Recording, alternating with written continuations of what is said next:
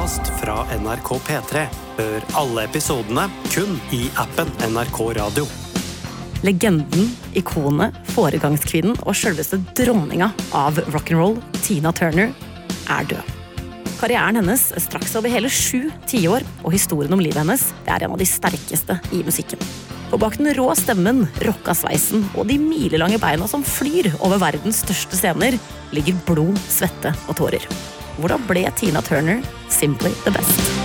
You're simply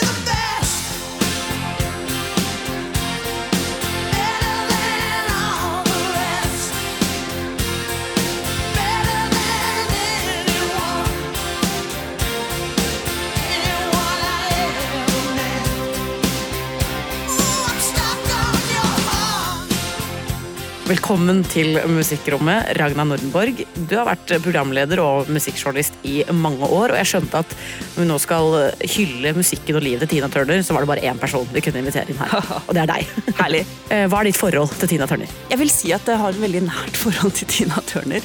Eh, Jeg har aldri hatt anledning til å intervjue henne, men jeg husker så godt da jeg var liten. Så ble jeg tatt med på Valle Hovin av moren og faren min for å se Tina Turner. Og jeg visste ikke så godt hvem hun var. Jeg hadde sett litt videoer av henne på MTV, eh, som jo var den store musikkanalen den gangen. Og så dundrer vi inn der, og så ser jeg en dame langt der framme på scenen med kjempestort hår, bitte litt i miniskjørt, og noen bevegelser som jeg aldri trodde nesten en dame kunne gjøre. Med sånn breibeint knekk i knærne, og så bare sang hun sånn at de 20 000 som var der, de, de var helt uh, slått i bakken. Hva er det som satte seg etter den konserten her, Ragna? Det tror det må bare være at det er liksom en liten kropp med så enormt mye stemmekraft og energi. Jeg har aldri sett det før eller siden. Det er altså en, det er en hel sjeldenhet, vil jeg si, hvordan hun klarte å, å bare være som artist på den scenen. Tina Turner har jo vært en foregangsperson både i musikken og som en forkjemper for likestilling, bare ved å være seg sjøl, egentlig, og levd et superstjerneliv i over 60 år. Men det har ikke bare vært glamorøst og lett. Til tider så har det faktisk vært beinhardt.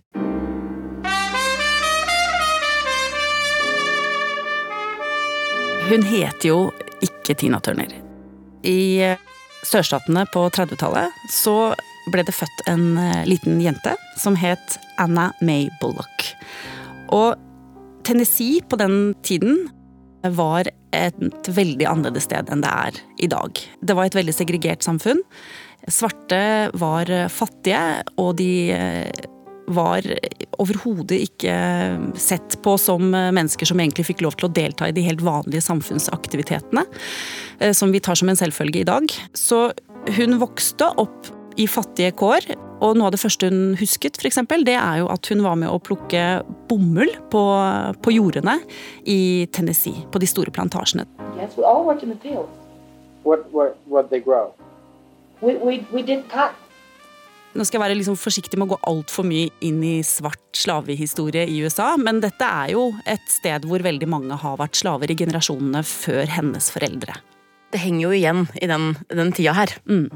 Det høres jo ut som en annen tid, og det, det er det jo også. Mye var veldig annerledes fra, fra sånn vi kjenner det i dag. Blant annet også forhold i familien. Og Tina har jo snakka mye om at det var veldig vanskelig hjemme.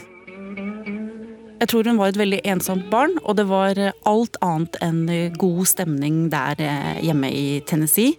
Faren var voldelig og slo mammaen, og det var så tøft at eh, Tinas mor rett og slett eh, dro av gårde da Tina bare var elleve år, for å slippe unna volden. Og hadde hun ikke fått Tina, så hadde hun dratt mye før. Og så var faren hennes eh, ikke så veldig interessert eh, i å ha omsorgen for en liten elleve år gammel datter, så han dro, han også. Så Tina ble plukket opp av besteforeldrene sine, som eh, tok vare på henne. Heldigvis, da, får en si at det var noen rundt henne som tok, tok vare på henne. Hun innså jo ganske tidlig da at jeg er ikke ønska, jeg er bare til bry, og det er jo ikke ting som et, et lite barn skal føle på. Men barn er jo heldigvis også ganske motstandsdyktige. Hva var på en måte virkelighetsflukten til eh, Tina som barn? Hun var jo en jente med veldig mye energi og kraft, og hun er jo veldig atletisk. Så når hun satt og så på kvinnelige forbilder eh, på Hollywood-film hvis hun kom seg på kino en gang i ny og ne, eller bare så i magasiner, så skjønte jo Tina at hun ikke helt klarte å fylle den rollen, og at hun kanskje aldri kommer til å klare å finne, finne en sånn plass som en sånn rolig, sofistikert dame.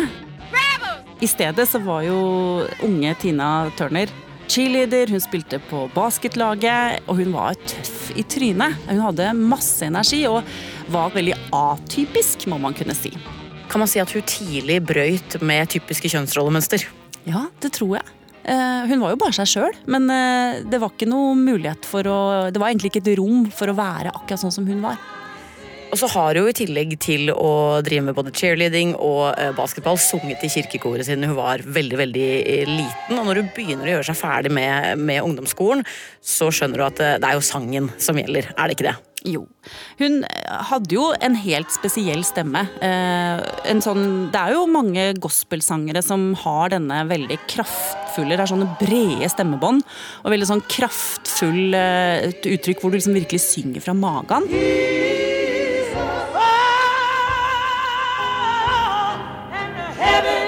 Eh, Men hun, hun skilte seg jo veldig ut. Og i 1957, i East St. Louis, da var hun 17 år og dro av gårde på en nattklubb for å se og høre og danse til eh, livemusikken som eh, gikk der. Og da så hun en talentfull gitarist og musiker der oppe på scenen. He picked up his guitar and hit one note and was just like, Jesus, listen to this guy. I'm like, I almost went into a trance when I saw him. Og hun blir rett og slett helt satt ut av det hun hører.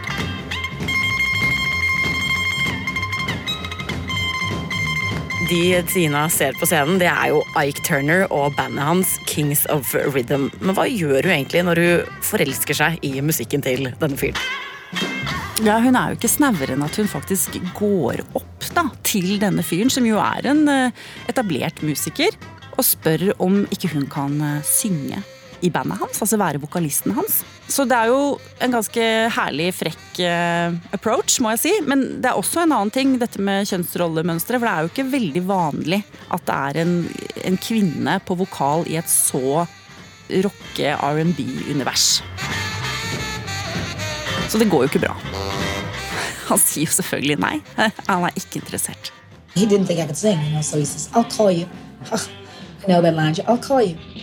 Men selv om Tina fikk en avvisning der, så slutter hun jo ikke å prøve seg i eh, da, barmusikkbransjen, eller klubbmusikkbransjen. En annen kveld, eh, når Tina har tatt mikrofonen og synger en gammel blueslåt, da er det litt sånn omvendt rolle, fordi da er det Ike som er i publikummet. Og når han får høre henne synge, da skjønner han hvilket talent hun er.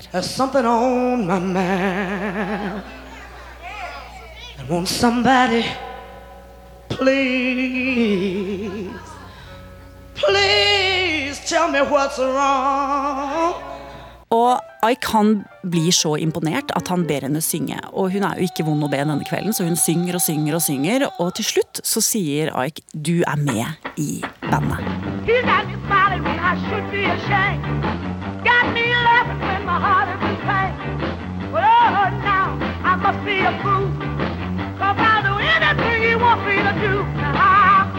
Oh, you know you're in love one more time. You got to face it. You live in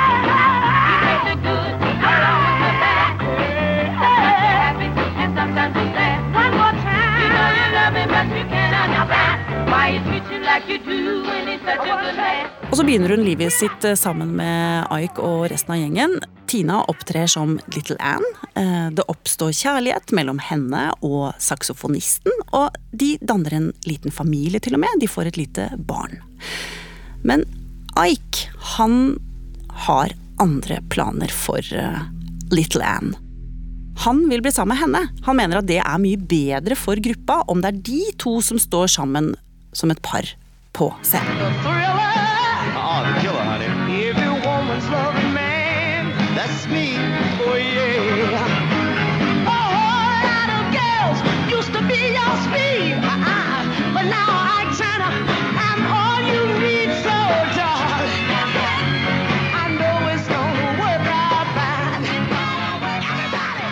Fem år senere så gifter jo de seg, og eh, Ike han forandrer navnet på kona fra Anna May til Tina og får hans etternavn Turner. We'll introduce the main attraction of the evening. I mean, the star of the show, so let's give her a nice, warm, friendly welcome. The fabulous Miss Tina Turner. Men han trademarker jo også dette navnet, noe som er en veldig sånn businessgreie å gjøre med noen du nettopp har gifta deg med. Eh, Hvorfor gjør han det? Ja, Det er jo fordi han skjønner at hun har et kjempepotensial, rett og slett. Så her gjelder det å holde henne tett til seg, og det er jo egentlig ikke så veldig vanskelig. fordi hvis vi tenker på hvordan denne unge, talentfulle kvinnen har hatt det, så har hun jo ikke gjort annet enn å bli eh, forlatt. Og hun står jo veldig alene, så hun er jo et lett bytte, sånn sett. En annen ting er jo at Tina vil jo bare, hun vil jo bare synge og opptre og drive med musikk. Så når Ike og Tina signerer platekontrakter og eh, turnékontrakter og de tingene her, så skriver hun bare under. Men så er det jo faktisk Ike som sitter med alle pengene. Hun har jo faktisk ingenting annet enn enn musikken underveis her. Nei, hun har egentlig ikke et liv heller. Altså, de, det er bare synge, spille, være med, og så dra hjem og være da under hans harde regime. Det høres ikke ut som noe stjerneliv det her, men på et eller annet sykt vis så blir jo all den harde jobbinga verdt det, og de blir jo stadig mer populære når de er på TV for aller første gang. Ladies and gentlemen, you've seen them live from coast to coast. Now you're about to see them all together for the very first time on national television. Hollywood A Go Go presents the fantastic Ike and Tina Turner Review! Hun får jo da muligheten til å møte de aller største etter hvert, for dette går superbra. Og de eh, går til slutt i studio med Phil Spector, som jo er en av de aller største produsentene også på den tiden.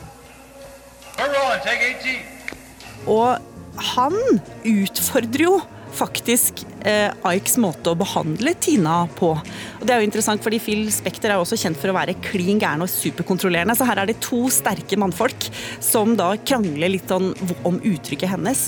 Men det ender i hvert fall med at Phil Spekter får Tina til å synge på den måten han mener hun gjør det aller best på. Det er å bare la det stå til med en villkvinnesang som verden aldri hadde hørt.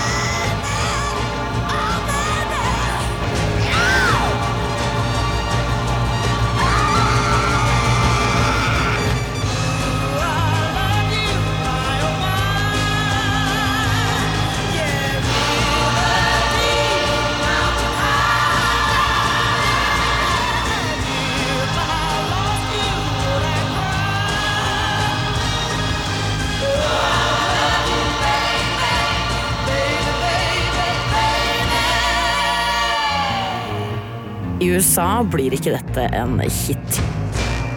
Men vi må huske på at dette var på en tid hvor USA fortsatt var ganske delt når det gjaldt svart og hvit musikk, spesielt på hitlistene. Men i Europa blir den enorm, og det fører til at bandet til Tina Ike får varme opp for selveste Rolling Stones. Og nå ruller det skikkelig for Tina Turner og co.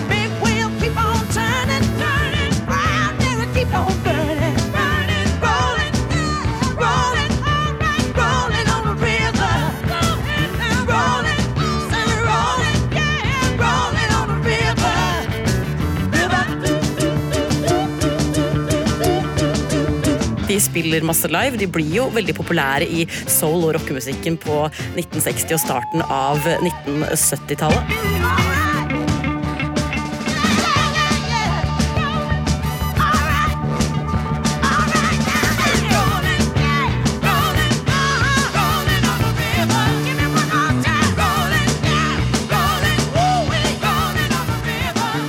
I 1971 gir og Tina ut en cover av Creedence Clearwater Revivals Proud Mary. Og det blir ikke overraskende deres største hit og min personlige Tina Turner-favoritt. Rett og slett fordi det skjer så innmari mye her, og selv om introdelen nok hadde blitt sløyfa om de skulle gitt den ut i dag, så er det fortsatt den som gjør meg like nysgjerrig hver gang jeg hører Proud Mary. We're to take the beginning of this song and we're to do it easy. But then we're gonna do the finish rough. Selv om det ser ut som Ike og Tina er et perfekt ektepar på scenen, så er det alt annet enn rosenrødt bak kulissene. Fordi barna i familien, for nå har de blitt litt sånn mine barn og dine barn og adoptert hverandre og sånn, de legger merke til at mamma alltid er trist. Hun har ingen venner.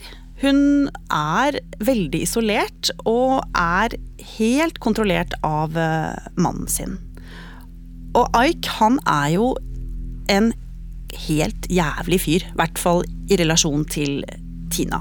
Han er voldelig, han er farlig, han slår, han voldtar henne. Han er det man kan si en tyrann, eh, og han er i tillegg ekstremt rusa store deler av døgnet. Og alle pengene går til å finansiere hans rusforbruk. Og detaljene i dette forferdelige voldelige ekteskapet, det er jo nesten ikke til å holde ut. Han torturerer henne med kleshengere, og han kaster f.eks. også glohet kaffe på henne. Eh, og hun syns dette er så forferdelig at hun også prøver å komme seg ut av det på den eneste måten hun føler er mulig, nemlig ved å forsøke å ta sitt eget liv. Så dette er beinhardt og mørkt.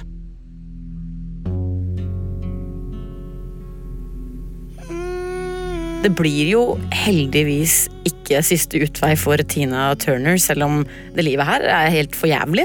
Hvordan klarer hun til slutt å komme seg ut av dette ekteskapet? Hun begynner å søke, og hun søker seg inn i religion og inn i buddhismen, faktisk.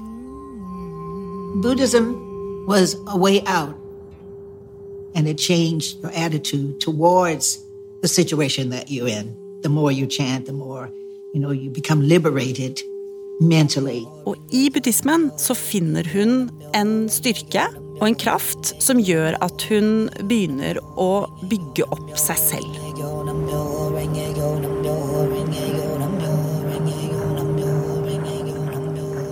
Og hun begynner også å svare tilbake og ta igjen.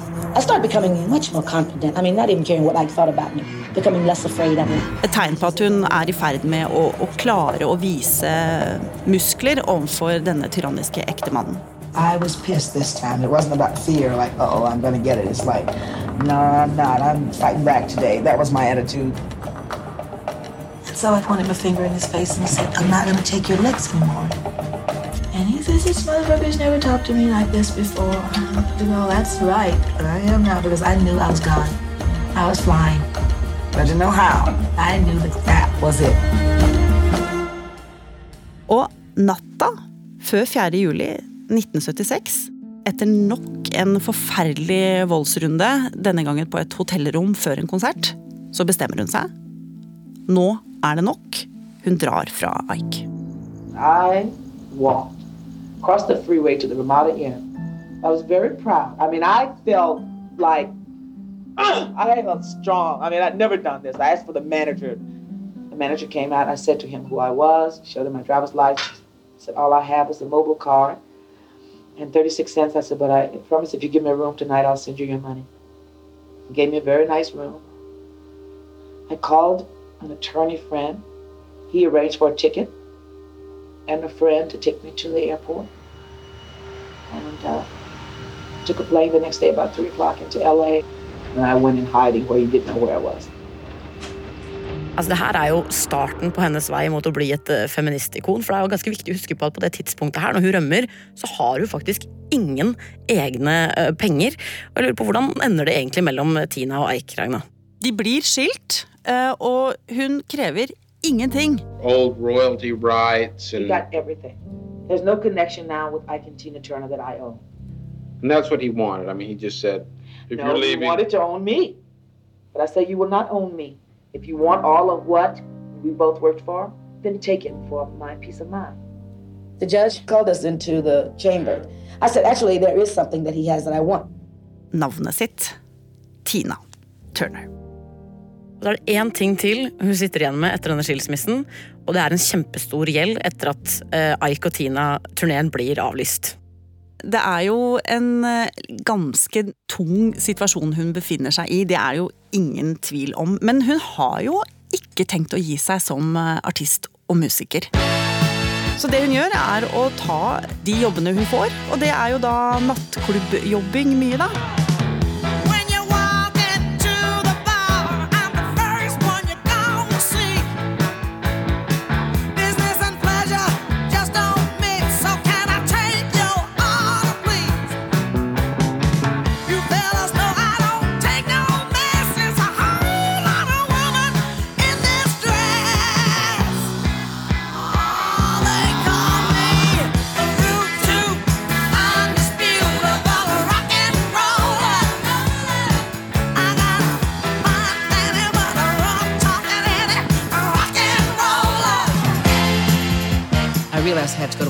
Mean, I couldn't just stay there and wait for what?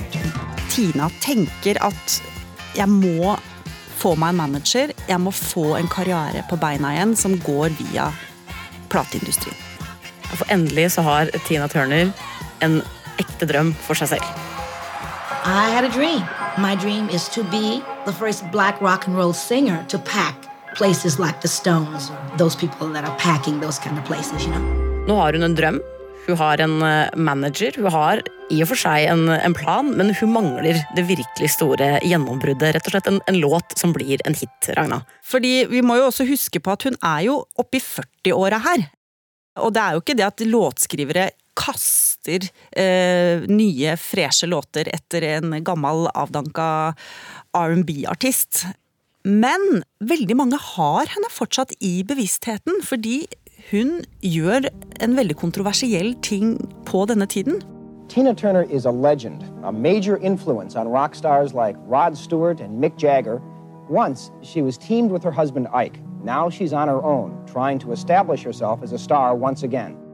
My life with Ike was uh, one that a lot of maybe people are familiar with. The husbands that that is uh, uh, that uh, practice brutality.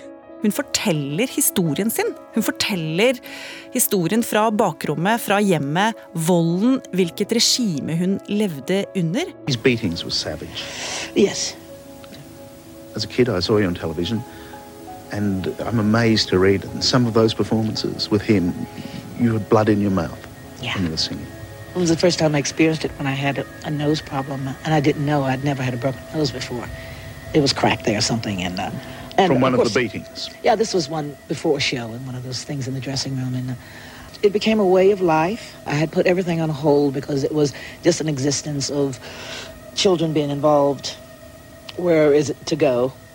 You know, nowhere to run, nowhere to hide. Sadly, of course, there are thousands of women watching this program in that very situation. Yeah. What advice would you give? My advice is make up your mind and don't go back and deal with whatever you have to deal with to finish it, Og med det så holdt hun seg flytende. Og så var hun med lite grann, ble testa bl.a. på en samleplate. Og så begynte plateindustrien å tenke hun er for god til at vi bare skrinlegger Tina Turner. Og så kommer låta. Hun er ikke umiddelbart fan, men hun går med på å synge den inn, og det blir hennes gigantgjennombrudd.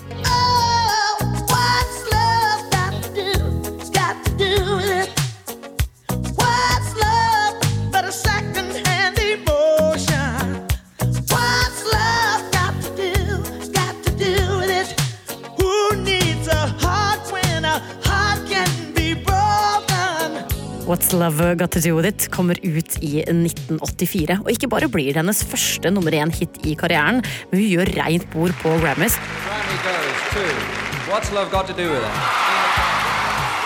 og vinner fire priser for årets album, årets låt og for beste vokalprestasjon i både rock- og pop-kategoriene. Thank you very much. Been waiting for this opportunity for such a long time, and I feel really good. This year she's made one of the biggest comebacks in show business history. I mean, it's incredible. Here's the explosive, the one and only Tina Turner. Og for å toppe det hele så synger også kveldens dronning selvsagt live på showet.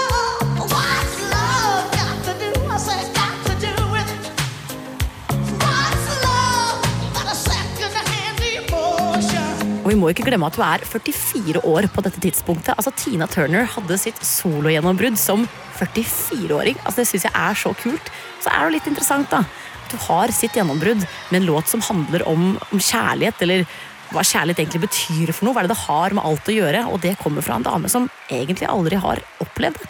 Det er det. Og alle syns på en måte at hun er helt rå. Alle vil jobbe med henne. Alle vil eh, dele scene med henne. Eh, de største stjernene i hele verden vil jo bare klistre seg på henne. Det var jo, det var jo masse, masse samarbeid også i denne perioden som bare viser at den kraften hun hadde, og den råskapen og den også liksom coolnessen hun hadde, den, den ville folk bare være rundt og være i.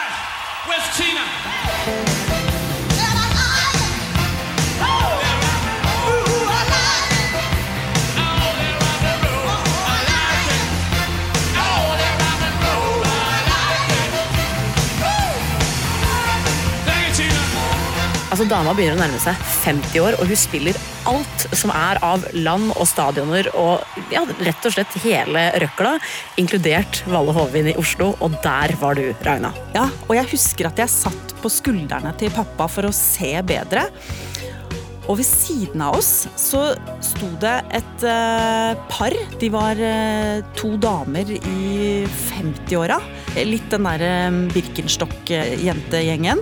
Og de husker jeg hadde med kaffe, og de ga oss mat. eh, Og det var noen andre mye eldre herrer som var sånne rockefolk, som sto på den andre siden. Og sammen så opplevde vi altså denne lille flekken der borte på scenen med det giganthåret og dette enorme, enorme beinjobbingsopplegget hennes og de skyhøye hælene. Og hvordan hun bare løp fram og tilbake, og hun, hun sto aldri stille. Og hun hadde liksom full kontroll på hele crewet sitt, og hun hadde selvfølgelig publikum i sin hule hånd.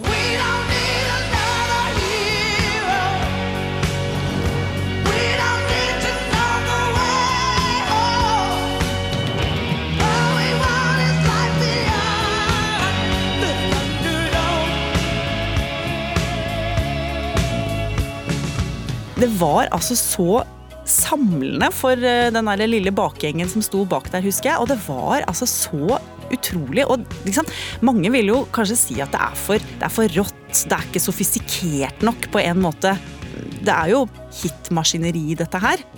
Men jeg tror ingen som har vært på konsertene hennes, klarer å unngå å bli helt bergtatt likevel. Eh, Du trenger faktisk nesten ikke å elske musikken. Du, du bare klarer ikke å la være å elske dama. Hun er jo rett og slett en uh, rockestjerne. Jeg vil gå så langt som å si at uh, Tina Turner gikk sånn at Beyoncé, Joan Jett, Bonnie Tyler og Rihanna kunne løpe. Helt enig. Tina, the amazing Tina Turner. I'll never forget the first time I saw you perform. I never in my life saw a woman so powerful, so fearless, so fabulous, and those legs. I want everyone to stand up. We're celebrating Tina Turner tonight.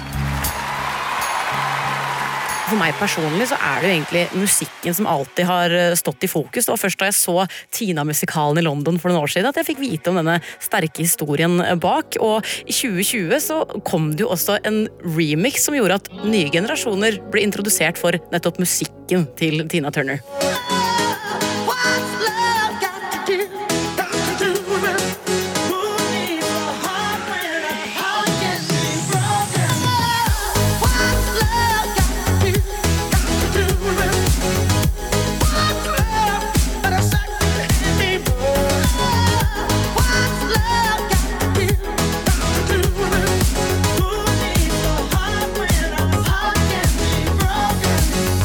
Kygo pusta rett og slett liv i en av hennes eh, gamle og tidløse slagere. Og musikken vil jo selvfølgelig alltid leve evig, men den 24. mai så kom nyheten om at denne legenden, ikonet i musikkhistorien, Tina Turner, er død. And some sad news to report to you. At the age of 83, pop icon and soul icon Tina Turner. For de som har fulgt Tina Turner veldig tett, så vet man at de siste årene hennes var preget av sykdom. Hun bodde i Europa, i Sveits, med sin hyggelige ektemann. Og venninna hennes Cher, som jo også er et stort ikon fra samme periode, noen år yngre, hun øh, har vært i Sveits og besøkt henne mye og snakket med henne. Og det Cher sa etter at dødsbudskapet kom, det var jo at Tina hadde sagt at 'jeg er klar'. Jeg orker ikke dårlig helse lenger. Hva er arven etter Tina Turner? Det er flere ting. Den ene er jo en litt sånn, øh, for å si det litt sånn øh, voksent, sånn strukturell ting. Hun var en kvinne som på et veldig tidlig tidspunkt i eh, moderne plateindustri tok kontroll over karrieren sin, over livet sitt, og bestemte seg for at jeg skal klare dette selv. Det var det nesten ingen som hadde gjort før henne. Men som du nevnte i stad, mange etter henne. Som f.eks. Beyoncé. Og så er det liksom noe også med en eh, også en sånn kjønnsoverskridende egenskap som hun hadde. Det der at hun var så spesiell på scenen. Mick Jagger har kopiert masse av hennes eh, triks for å være en ordentlig sånn scenepersonlighet. Løpingen, kontakten med publikum, energien, sparkene, eh, kniksene. Alt det der er jo egentlig noe både menn og kvinner har latt seg inspirere av. Og så er det jo også det at hun som svart kvinne hadde en utrolig kul stil. En ganske cutting edge-stil som man kunne se i filmene hun deltok i, og også en del av eh, liksom, hele hennes eh, måte å, å, ordne hår på, og måte å gå i høye hæler på. Så hun har jo på en måte også danna en skole for å kunne ta det helt ut og være liksom en, en, en veldig feminin, men allikevel veldig kraftfull karakter da, for andre. Det er jo sjelden at stilen og imaget til en dame på nesten 50 år inspirerer så mange unge artister, både den gang og i tiåra etterpå. Så er jo stilen et viktig eh, aspekt ved henne, og sammen med musikken hun skapte, så blir jo hele pakka Tina Turner en av de mest toneangivende artistene fra popmusikkens barndom. Kanskje en av de største foregangskvinnene i nyere musikkhistorie. Og mange ser på henne som et enormt stort forbilde. Men helt perfekt eh, var hun jo selvfølgelig ikke. Det går jo ikke an. Og en ting som muligens har gått i arv, det er jo å ikke helt ha omsorgsevnen. Apparatet til å ta vare på barna sine. Det er jo eh, blitt kommentert fra familien at eh, det å være barna hennes ikke var like lett. Og begge hennes biologiske barn døde faktisk før hun selv døde. Så livet hennes i de, den senere perioden hadde også et skjær av tragedie eh, i seg.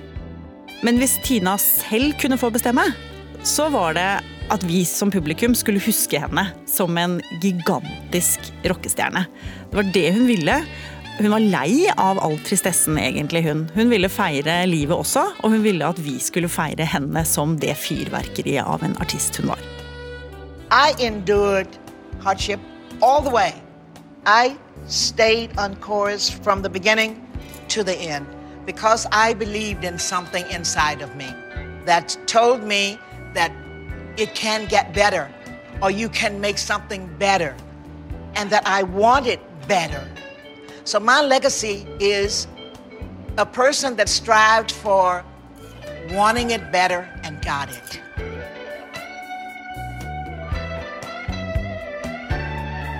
Du har hørt en episode av Musikkrommet, og hvis du likte det du hørte, må du gjerne tipse om denne til en venn.